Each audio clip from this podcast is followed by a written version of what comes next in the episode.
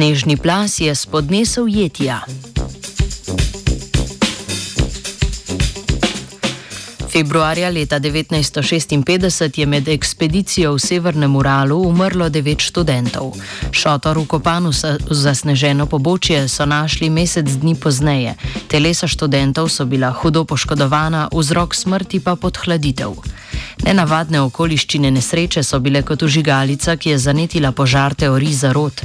Od, ne, od neverjetnega napada jetjev do verjetnejših naravnih sil, kot so recimo snežni plazovi.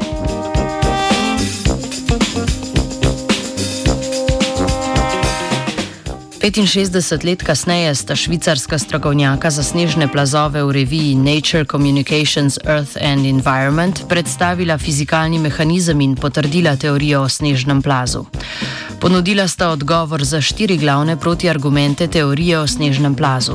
To so premajhen naklonski kot pobočja in odsotnost ostankov plazu na prizorišču nesreče, ter argument, da naj bi se plaz sprožil 9 ur po vkopu šotora in ne takoj zatem, ko so člani odprave začeli odstranjevati pobočni material za šotorišče. Četrti protiargument teorije pa so neobičajne telesne poškodbe članov odprave. Znanstvenika sta iz terenskih podatkov izpeljala več modelov. Pokazala sta, da pobočje nima enakomernega naklona, ampak se terasa sto spušča.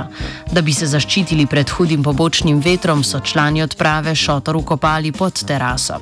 Tik nad ukopom šotora je pobočni veter kmalo začel nalagati sneg. Poleg tega sta znanstvenika pod vrhnjo plastjo snega odkrila šipkejšo, bolj zrnato snežno plast z manjšo strižno trdnostjo.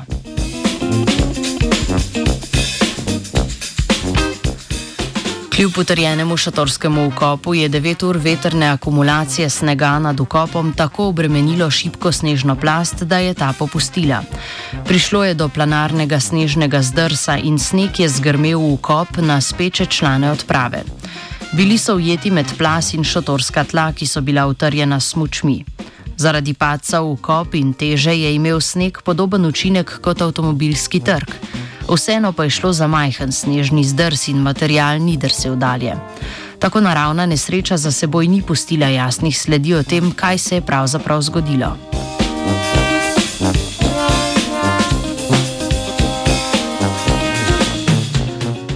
Članom odprave je kljub poškodbam uspelo pobegniti izpod zasutega šotora in zatekli so se v gost. Tam so preminili zaradi podhladitve, a še vedno obstaja nekaj nerešenih ugank. Nekaterim članom so namreč manjkale oči, enemu celo jezik, na kosih oblačil pa so našli radioaktivne sledove. Upajmo, da na odgovore o dogajanju po snežnem zasutju šotorišča ne bomo čakali nadaljnih 65 let. Po severnem Uralu se je plazila vajenka Leja.